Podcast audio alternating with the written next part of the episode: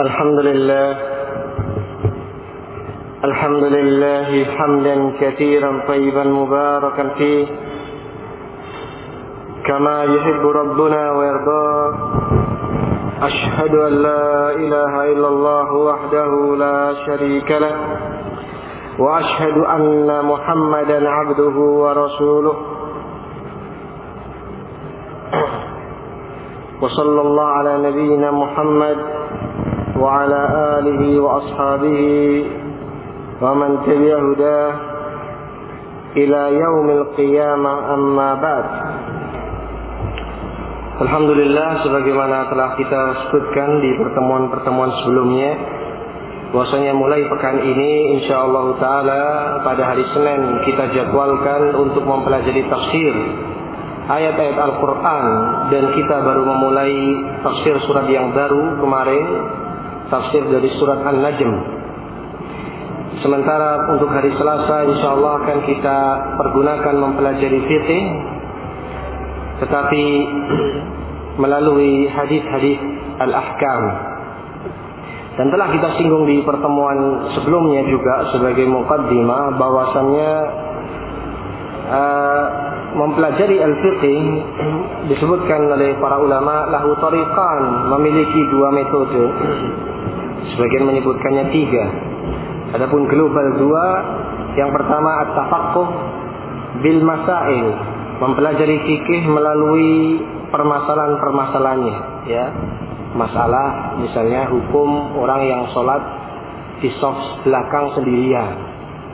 Hukum berjabat tangan ya e, dengan yang bukan muhrimnya. Masalah hukum jilbab bagi wanita.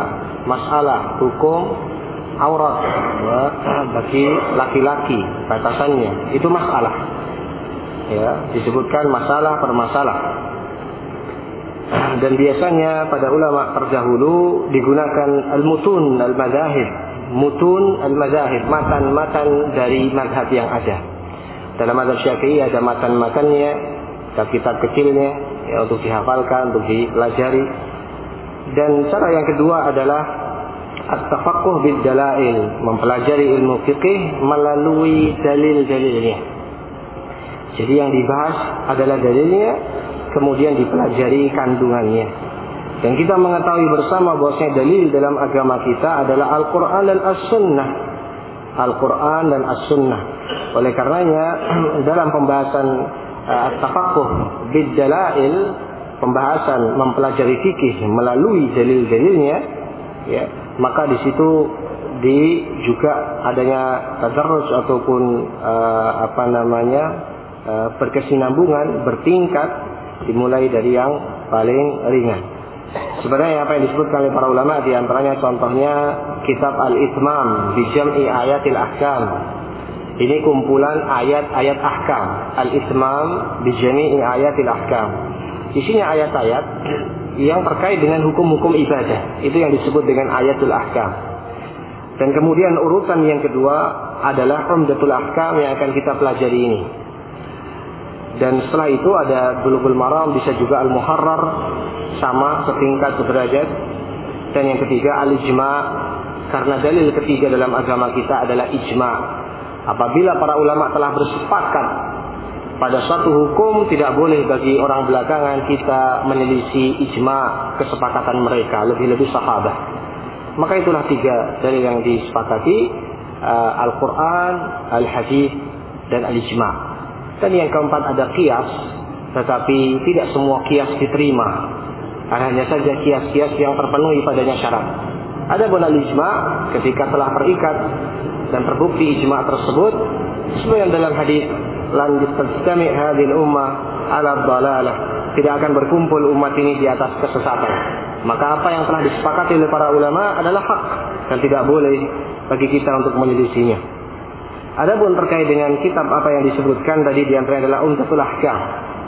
Dan pembahasan setelahnya insya Allah kita bahas di lain waktu. Adapun terkait dengan kitab Umdatul Ahkam ini akan kita pelajari. Ya, kenapa didahulukan? Karena lebih tipis daripada Bulughul Maram. Dan lebih sahih hadis-hadisnya dibandingkan dengan Bulughul Maram. Bukan bermakna penulis Bulughul Maram yaitu apa tidak mengetahui hadis sahih dhaif. Bahkan penulis Bulughul Maram Al-Hafidz Ibnu Hajar Al-Asqalani adalah ulama bahkan termasuk rasul muhadditsin di zamannya termasuk tokoh ahli hadis di zamannya. Tetapi memang sengaja ada kalanya disebutkan hadis yang dhaif, ada kalanya beliau diamkan, ada kalanya beliau terangkan. Hadis ini layyanahu An-Nasai dianggap lemah oleh Nasai. Hadis ini begini begitu disebutkan. Lalu kenapa faedahnya ada hadis dhaif kadang disebutkan dalam Bulughul Maram oleh penulisnya atau kitab lain yang semisal? Karena karena sebab hadis itulah kadang terjadi di antaranya khilaf ulama. Sebagian ulama mensahihkan, sebagian mendhaifkan. Dan yang sama-sama men mensahihkan pun yang ini memahaminya demikian dan ini demikian dan itulah ilmu dan itulah uh, apa namanya fikih sudah disebutkan oleh para ulama man lam ya'rifil khilaf lam yashumma anfahu minal fiqh. Atau lam yashumma anfuhu minal fiqh.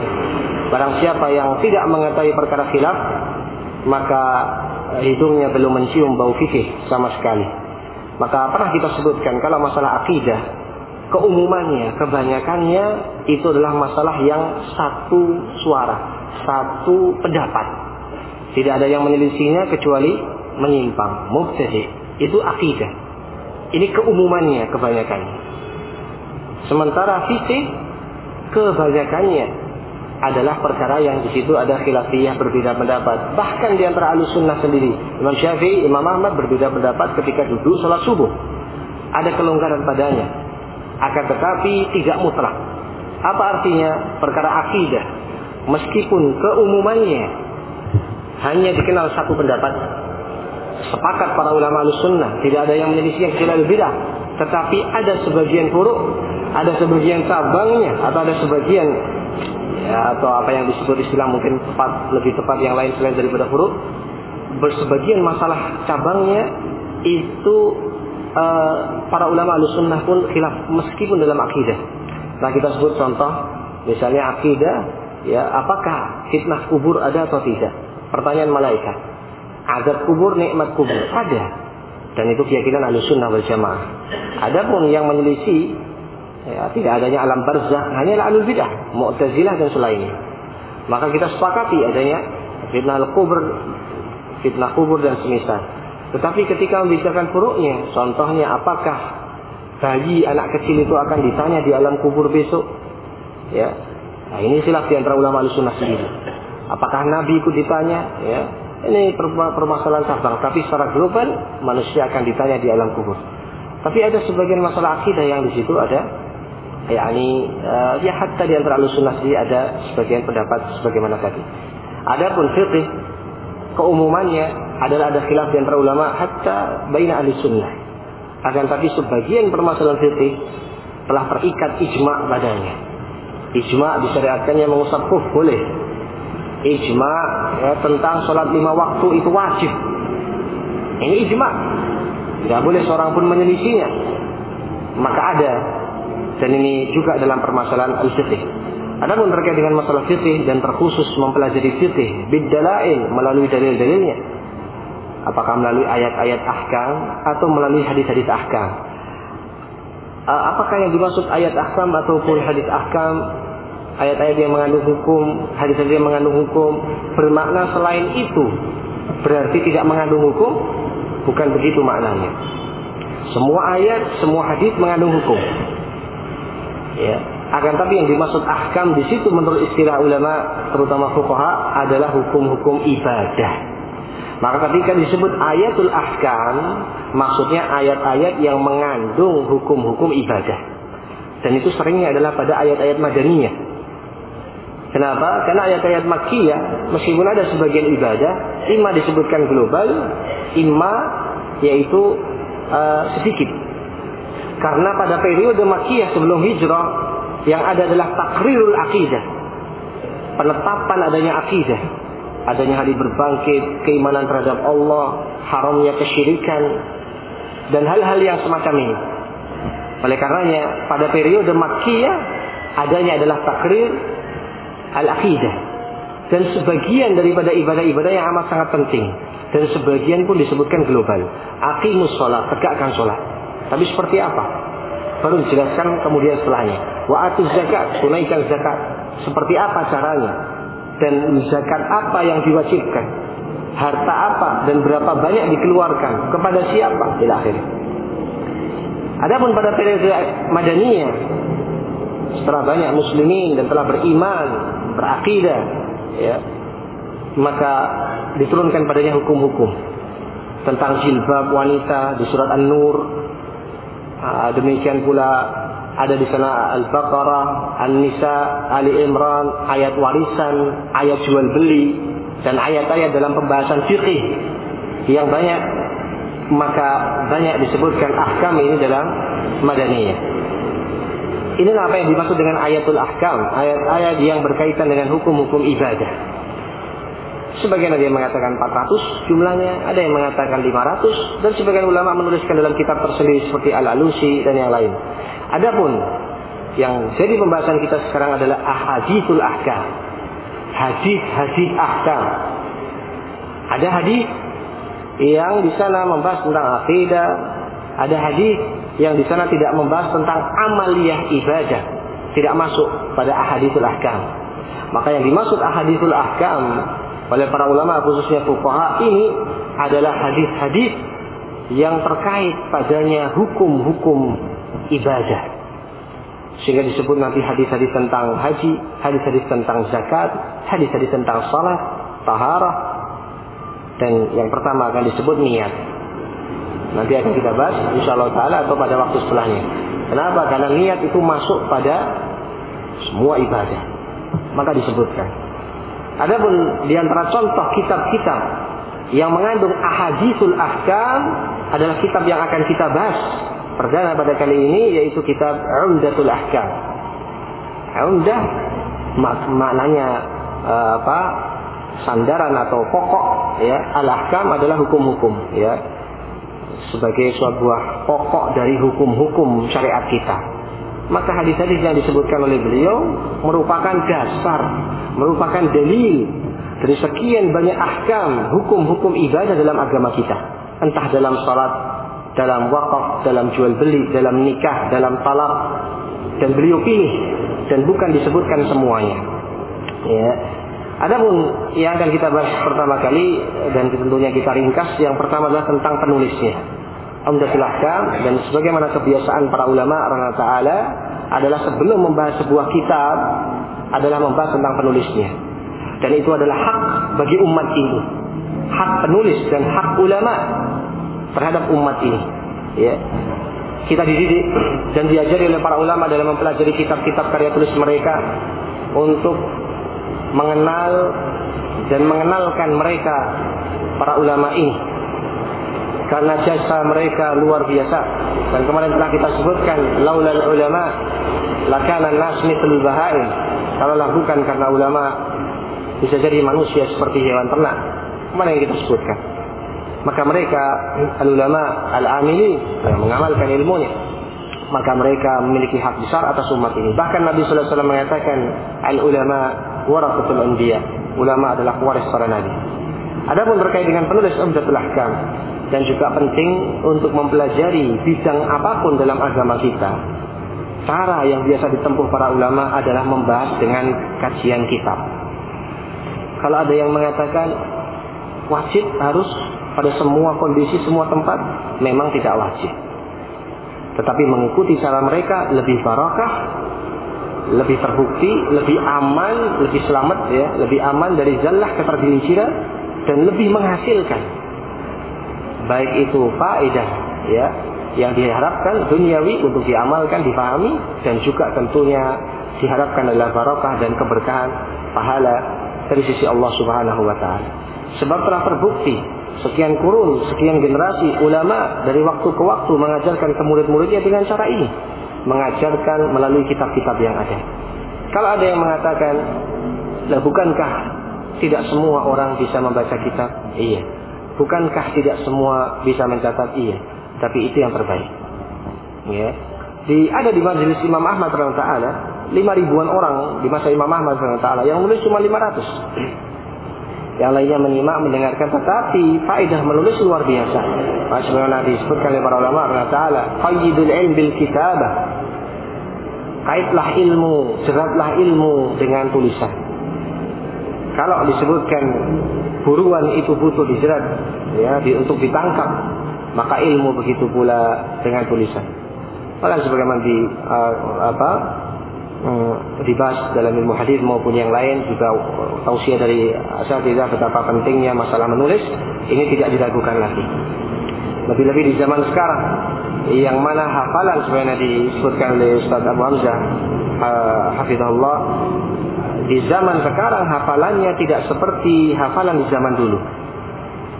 Kafratul asghal wal masyakil, banyaknya permasalahan, banyaknya pikiran, banyaknya hingar-bingar, keruwetan, kemacetan, banyaknya hal ini termasuk mempengaruhi sedikit atau banyak hafalan, konsentrasi, ketenangan pikir seseorang. Orang-orang terdahulu kuat dari sisi hafalannya. Dan kita tahu dalam ilmu hadis ada dua, Dobtul Kitab dan Dobtul Sadr. Dan para ulama khilaf mana yang lebih utama. Imam Ahmad mendahulukan Dobtul Kitab, ini afdal yaitu seorang menghafal menjaga ilmunya yang satu dengan hafalan kalau beliau lebih bagus lebih aman daripada hafalan adalah tulisan kenapa karena disebutkan pula oleh para ulama az-zakirah namanya hafalan seseorang itu kadang-kala berkhianat kita sudah pasrah kita sudah percaya kita sudah baik insya Allah nggak lupa insya Allah ingat ya tapi sehari dua hari masih ingat. Sekian waktu ternyata lupa juga. Bahkan sampai pun nomor telepon yang zaman dulu belum 10 nomor, 11 nomor seperti sekarang. Masih 6 nomor, 5 nomor, 3, 7 usia. Kita ingat, insya Allah nggak lupa, nggak perlu saya takut mas. Iya kalau cuma sejam dua jam pulang ke rumah diingat ditulis. Tapi seminggu, dua minggu, sebulan, dua bulan ada permasalahan ini itu ini itu ada nomor-nomor yang lain, ada alamat yang lain tercampur, lupa kita. Maka ilmu terjaga dan tercatat dengan ditulis. Maka tentunya baik faedah itu tulis dan di sisi lain juga terkait dengan kitab. Maka di situ sekian banyak faedah. Bahkan sampai pun di sebagian hadirin ada yang belum bisa membaca kitab tidak ada masalah. Dan bagi sebagiannya diharapkan untuk memegang kitab apa yang dibahas minimal itu matanya. Kalau tafsir ayat, kalau tidak pegang kitab tafsirnya yang dibaca, minimalnya misalnya ayatnya Al-Quran. Kecuali kalau udah apa? Misalnya sebagian ayat itu uh, bagus untuk menjaga. Dan bukan berarti harus diharuskan, tetapi itu penjagaan ilmu teramat sangat bagus dan disarankan oleh para ulama Taala terutama talabah para pelajar. Dan terkait dengan hal ini membahas ilmu agama melalui kitab-kitab para ulama memiliki banyak sekali faedah dan keuntungan termasuk lebih terjaga selamat membaca syarah mereka, tulisan mereka daripada kita yang berpikir menurut saya hadis ini maksudnya begini. Menurut saya ayat ini pasnya begini. Ini bahaya. Tetapi kita lihat kita para ulama kalau tafsir ya Ibnu Katsir, Sa'di, At-Tabari jelas. Maka itu lebih selamat. Begitu pula dalam hadis. Kita baca keterangan mereka ini lebih selamat. Dan oleh karenanya kita memilih dari mengambil sebuah kitab tertentu dan kemarin telah kita ditentukan dan dibahas oleh panitia dan kita semua memilih Umdatul Ahkam kitab yang di hadapan kita ini. Dan di sana banyak para ulama memperhatikan kitab ini, mensyarahnya banyak. Dari ulama mutaqaddimin terdahulu sampai yang mutakhirin. Termasuk yang mutaqaddimin banyak dan berjilid-jilid adalah salah seorang ulama dari mazhab Syafi'iyah saya ingat saya gurunya Al-Hafidz Ibnu Hajar. Bernama Ibnu Mulaqqin punya kitab Al-I'lam. Ini syarahnya Umdatul Ahkam berjilid-jilid dan termasuk syarah yang paling lengkap menurut saya. Mutaqaddimin. Dan yang mutakhirin banyak. Syekh bin Bas punya syarah Umdatul Ahkam Syekh masih yang lain Syekh Abdul Al-Bassam Taisirul Alam Subulus Salam uh, fulan fulan banyak sekali ya mutakhirin dan ada pun tentang penulis asalnya Abdul Ghani Al-Maqdisi rahimahullah adalah penulis kitab ini Umdatul Ahkam. Beliau lah Al-Imam uh, Abu Muhammad Taqiyuddin Abdul Ghani bin Abdul Wahid Al-Maqdisi.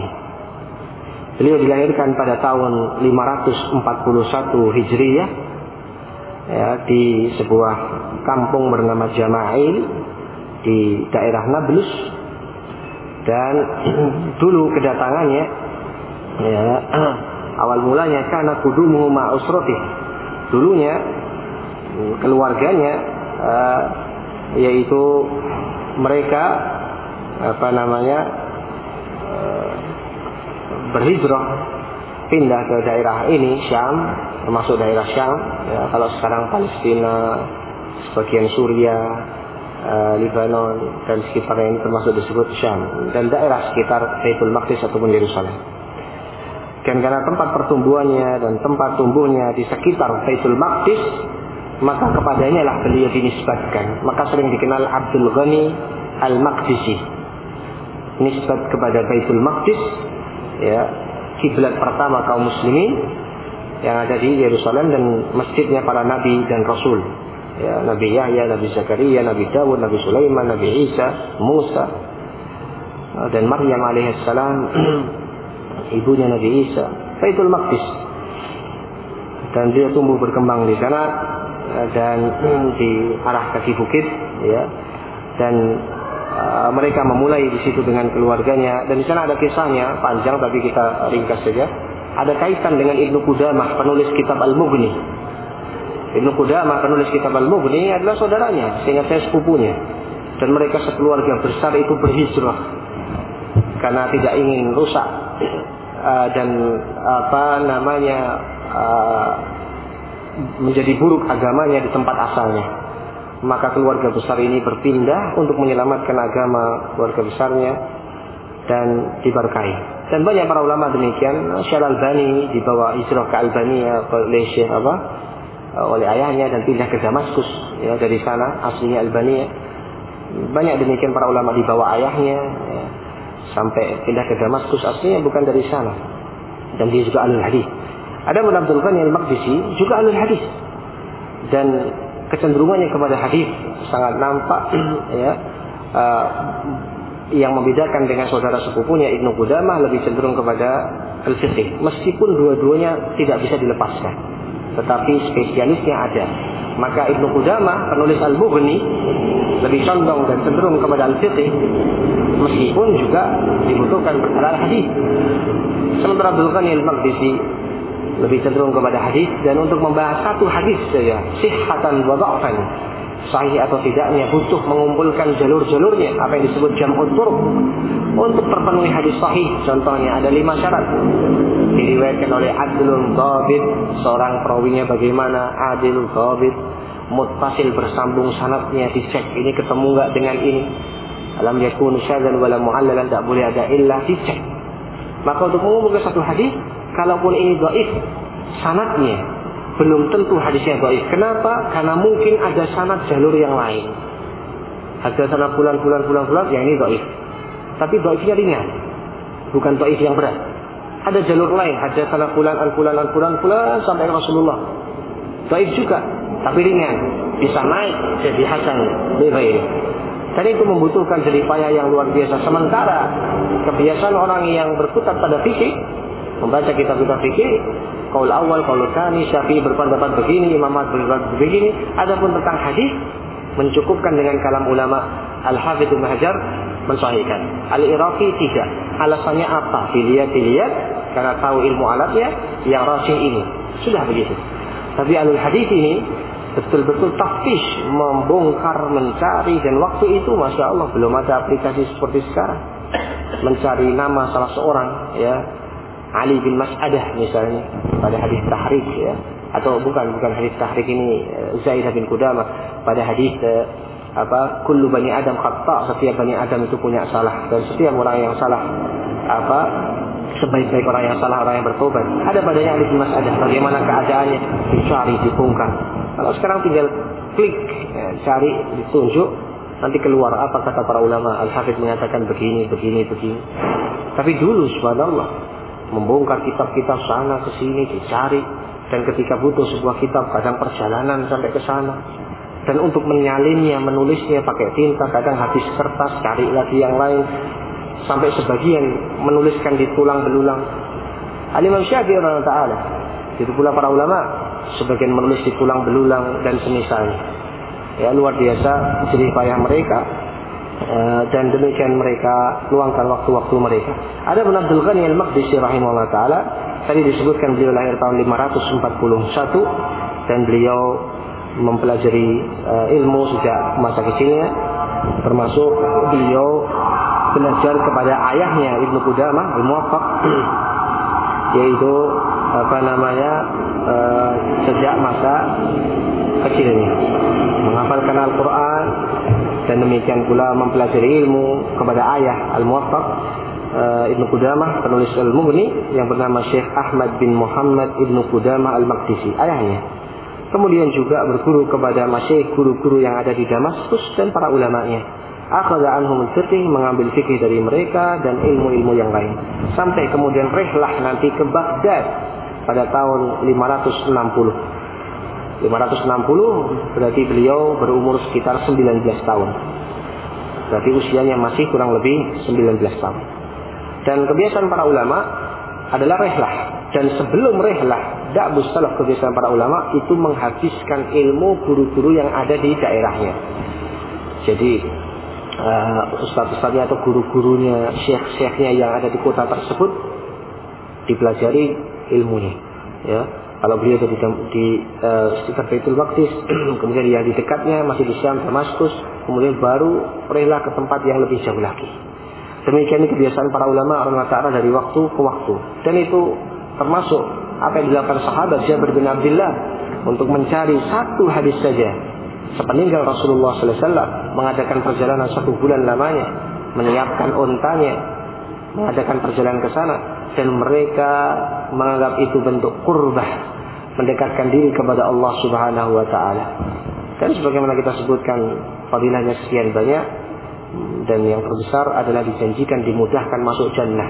Man salaka tariqan yaltamisu fihi ilman sahalallahu lahu bi tariqan ila jannah. Barang siapa menempuh perjalanan untuk mencari ilmu, Allah akan mudahkan jalan baginya menuju jannah. Dan para ulama seperti Syekh Mubil sehingga saya menganggap menempuh perjalanan mencari ilmu bukan hanya secara hissi, lahiriah, tetapi juga secara maknawi. Mencari perjalanan, menempuh perjalanan mencari ilmu ada kalanya diam di tempat dan dia mencari di kitab ini nggak ketemu masukkan. Cari kitab yang satunya ambil buka lagi. Dan termasuk demikian pula seseorang yang mengadakan perjalanan dengan kendaraannya dan semoga hadirin yang ada di sini kita semua termasuk uh, diberi keikhlasan dan diterima amalan tercatat sebagai amal saleh dimudahkan jalan menuju jannah itulah salah satu jalan besar dimudahkan jalan menuju jannah menempuh perjalanan mencari ilmu syariat agama Allah Subhanahu wa taala. Dan pembicaraan tentang masalah ilmu dan fadilahnya begitu pula ulama banyak dan masyhur dan sering kita ulangi pada beberapa kesempatan. Adapun beliau rihlahnya adalah pada umur 19 tahun ke Baghdad dan di sana belajar kepada sejumlah ulama termasuk ke Syekh Abdul Qadir Al-Jailani. Dan inilah Syekh di antara fakih, seorang ahli fikih, ahli hadis. Tetapi banyak yaitu nisbat banyak cerita, banyak apa fitnah terkait dengan beliau. Sampai-sampai sebagian menganggap Abdul Qadir Al-Jailani bukan termasuk ulama uh, sunnah atau yang semisalnya, tetapi karena banyak, saking banyaknya cerita itu entah sebagiannya ada yang kurafat atau sebagiannya memang karomah sebagian ada yang benar termasuk misalnya karamah kemudian Allah SWT berikan di antara wali-wali atau yang wakadzalika nahsibu Allah yuhasibuh wala nuzaki Allah ahada. Dan sebagian yang terkadang diceritakan dinisbatkan kepada beliau pada tidak.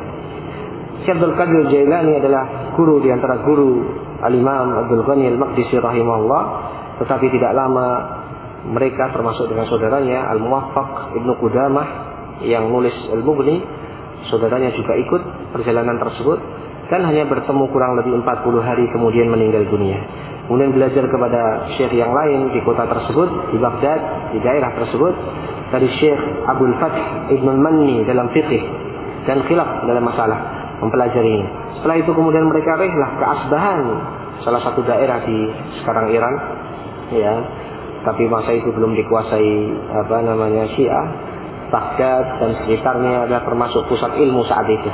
Begitu pula sekitarnya Irak, Iran saat itu uh, Mabaina apa namanya uh, Nahrain atau antara dua sungai, Sungai Efrat dan Sungai Tigris.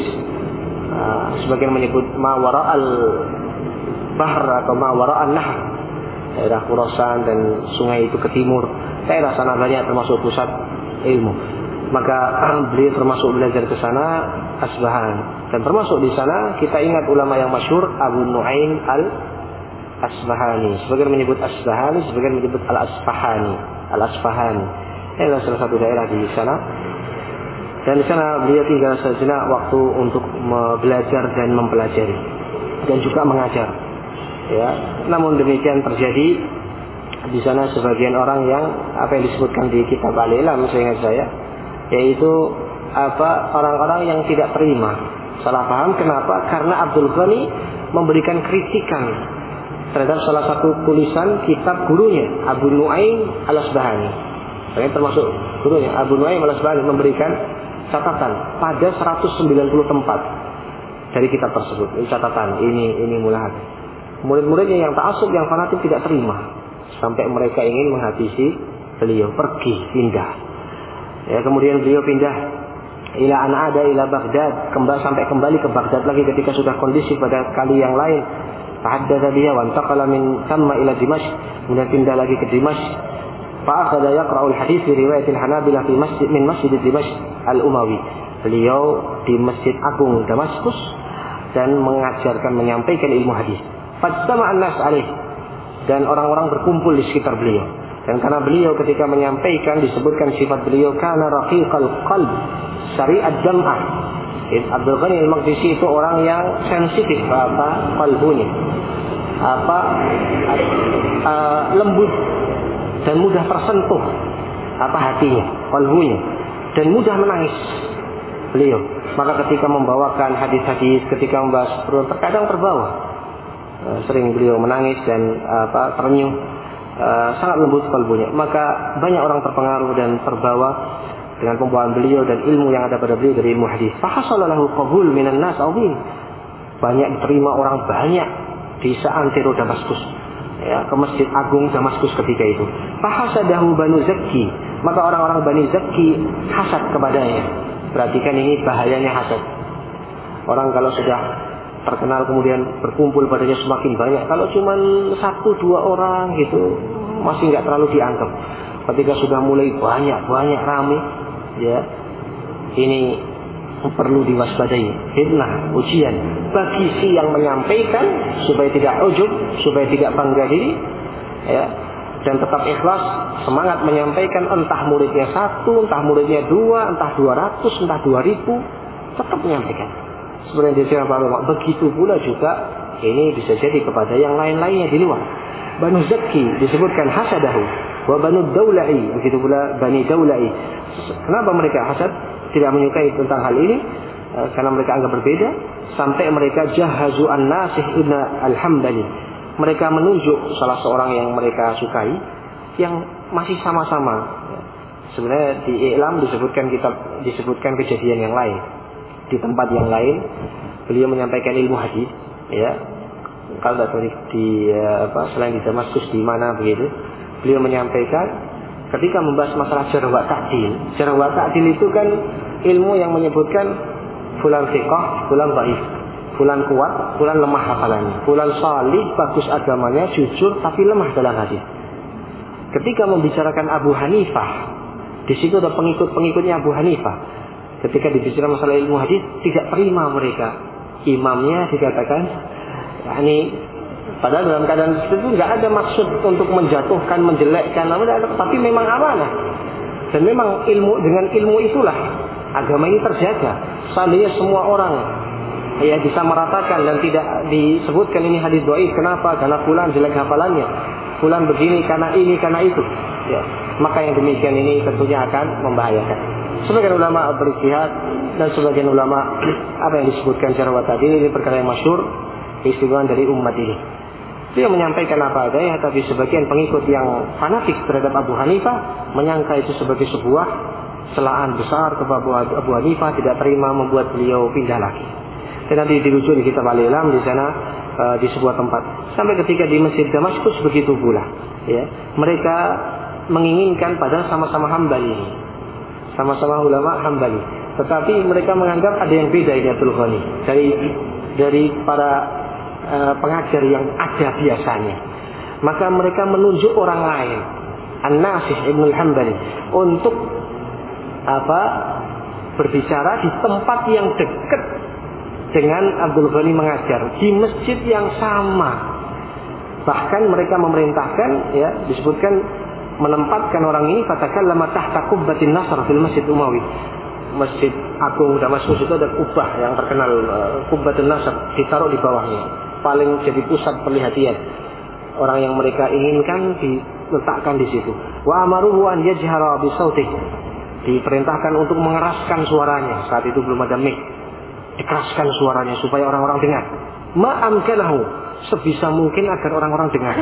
Hatta yushawis alal hafid Abdul Ghani sampai itu mata mengganggu Abdul Ghani al-Maqdisi. Di sana Abdul Ghani bicara, ini bicara dengan keras. Supaya orang-orang lebih tertarik, lebih bisa ke sini, yang itu terganggu. Abdul Ghani ngalah. Lihat ini contoh dari imam besar Abdul Ghani al-Maqdisi. Wa inda dzalika hawwal al-hafid mi'adar sih. Beliau ngalah pilih pindah jadwal. Tadinya pada Jumatan, kemudian dipindah ba'dal asr, ma ba'dal asr. Untuk menghindari tempuknya tadi. Daripada ribut, daripada ini, beliau ngalah pilih pindah jadwal. Pada karya akidah Suatu ketika beliau menyebutkan akidahnya. Dan akidah beliau disebutkan para ulama akidah salah. Tidak mentakwil-takwil sifat, tidak melakukan apa namanya juga tamsil menyerupakan sifat Allah dengan makhluknya hanya menyampaikan seperti Allah dan Rasul ketika beliau uh, rahimahullah taala menyebutkan akidahnya yang berbeda dari sebagian orang ketika itu. Meskipun sebagian mazhab dalam fikih sama Hanabilah tetapi sebagian yang menganggap berbeda. Fasara alaihi al-qadi ibnu Zaki ad-din ibnu Zaki ad-din dan Diyauddin ad-Daulai uh, kemudian faqada lahu majlisan fi qal'ati Dimashq yaum al-Itsnain mereka kemudian sampai dua orang ini meminta untuk berjanjian bertemu di sebuah penjara Qal'atu Dimash yang ini juga di penjara itu pula nantinya Syekhul Islam Taimiyah meninggal dunia di situ. Qal'atu Dimash eh, di tahun 595 Hijriah. Jadi kira-kira beliau usia berapa? 541 kalau sampai 91 kan 50 tahun ya 50 tahun tambah 4 55 tahun. Eh, insya Allah kita lanjutkan sejenak baca azan insya Allah tentang tarjamah beliau. Jadi kita lanjutkan kemudian terjadi perbincangan di situ di penjara Dimashq antara Al-Qadhi Ibn Zakiyuddin dan Diyauddin Ad-Daulai dengan Abdul Ghani Al-Maqdisi taala dengan kepala sipir dan sebagian dari uh, orang yang ada mereka memperbincangkan masalah-masalah beberapa di antara sifat-sifat Allah Subhanahu wa taala al-ulu, an-nuzul, al-kalam. Ya, dan Abdul Ghani Al-Maqdisi hanya menyebutkan taib sebagaimana akidah salaf. Oleh karena itu ketika disebutkan apa namanya eh, kepada raja apa sih ini apa namanya uh, kenapa sih ini akidahnya dan seterusnya ya dia mengatakan, aku meyakini demikian karena Allah berfirman demikian. Aku meyakini demikian karena sabda Rasulullah SAW demikian. Aku meyakini ini karena Allah berfirman demikian. Rasulullah bersabda terus. Ya, sampai sampai kepada raja ketika itu apa ini? Ini semua hanya dalil ayat-ayat hadis. Ya, dia lebih alim, dia lebih tahu daripada mereka ini. Lepaskan dia, bebaskan dia. Raja mengetahui bahwasanya dasar-dasar dalam hal ini adalah Alkitab dan Sunnah dan hal yang semisal. Namun dianggap berbeda dengan orang yang di masanya. Karena mereka sebagian menuduhnya dengan akidah terzim, menganggap Allah Subhanahu wa taala seperti makhluknya demikian demikian. Padahal beliau menyampaikan seperti apa yang Rasulullah sampaikan misalnya masalah nuzul. Allah di atas, dan Allah turun ke langit dunia tiap sepertiga malam terakhir. Yanzilu Rabbuna tabaraka wa ta'ala ila sama'i dunya fi kulli thuluthil lailil akhir. Jelas sabdanya Nabi sallallahu alaihi Allah turun ke langit dunia tiap sepertiga malam terakhir. Masalah bagaimana turunnya, seperti apa wallahu alam bissawab. Kami hanya menyebutkan seperti apa yang Rasulullah sebutkan, tapi itu membuat mereka tidak terima. Bagaimana Allah dikatakan turun? Ini pelecehan. Bagaimana dikatakan Allah berbicara? Ini menyerupakan dengan makhluk. Bagaimana Allah dikatakan di langit? Berarti Allah butuh langit, butuh tempat. Kalau tidak ada langit berarti Allah tidak begini begitu dan ah, tasalsul muqtadayat konsekuensi-konsekuensi yang batil yang mereka uh, anggap-anggap sementara beliau hanya menyampaikan kalau Allah kalau Rasul apa yang Rasul sampaikan apa yang Allah sebutkan pegangi masalah bagaimana ya Allah taala alam maka demikian terjadi perbincangan pula antara Abdul Ghani al-Baghdadi dengan kedua orang tersebut. Sampai ketika disebutkan zahara alaihimul hafiz dia mengalahkan mereka dalam hujjah. Maka berkata kepala sipir Sarim Burgush wali al-qal'ah sang penjaga penguasa qal'ah Dimas kullu haula'i dhalal Berarti semua mereka itu sesat menyimpang wa anta al haq, engkau sendiri yang benar. Terpaksa dia mengatakan qala na'am. Fa'arsalu man kasara min barafil jami. Maka diperintahkan mimbarnya dia di masjid jami. Jami di Maskus dihancurkan. Gak boleh ngajar, gak boleh orang duduk di situ dihancurkan. Hanya karena masalah ini menyelisih orang-orang yang ada. Padahal beliau mendasari ilmunya dengan apa yang telah dianggap asing.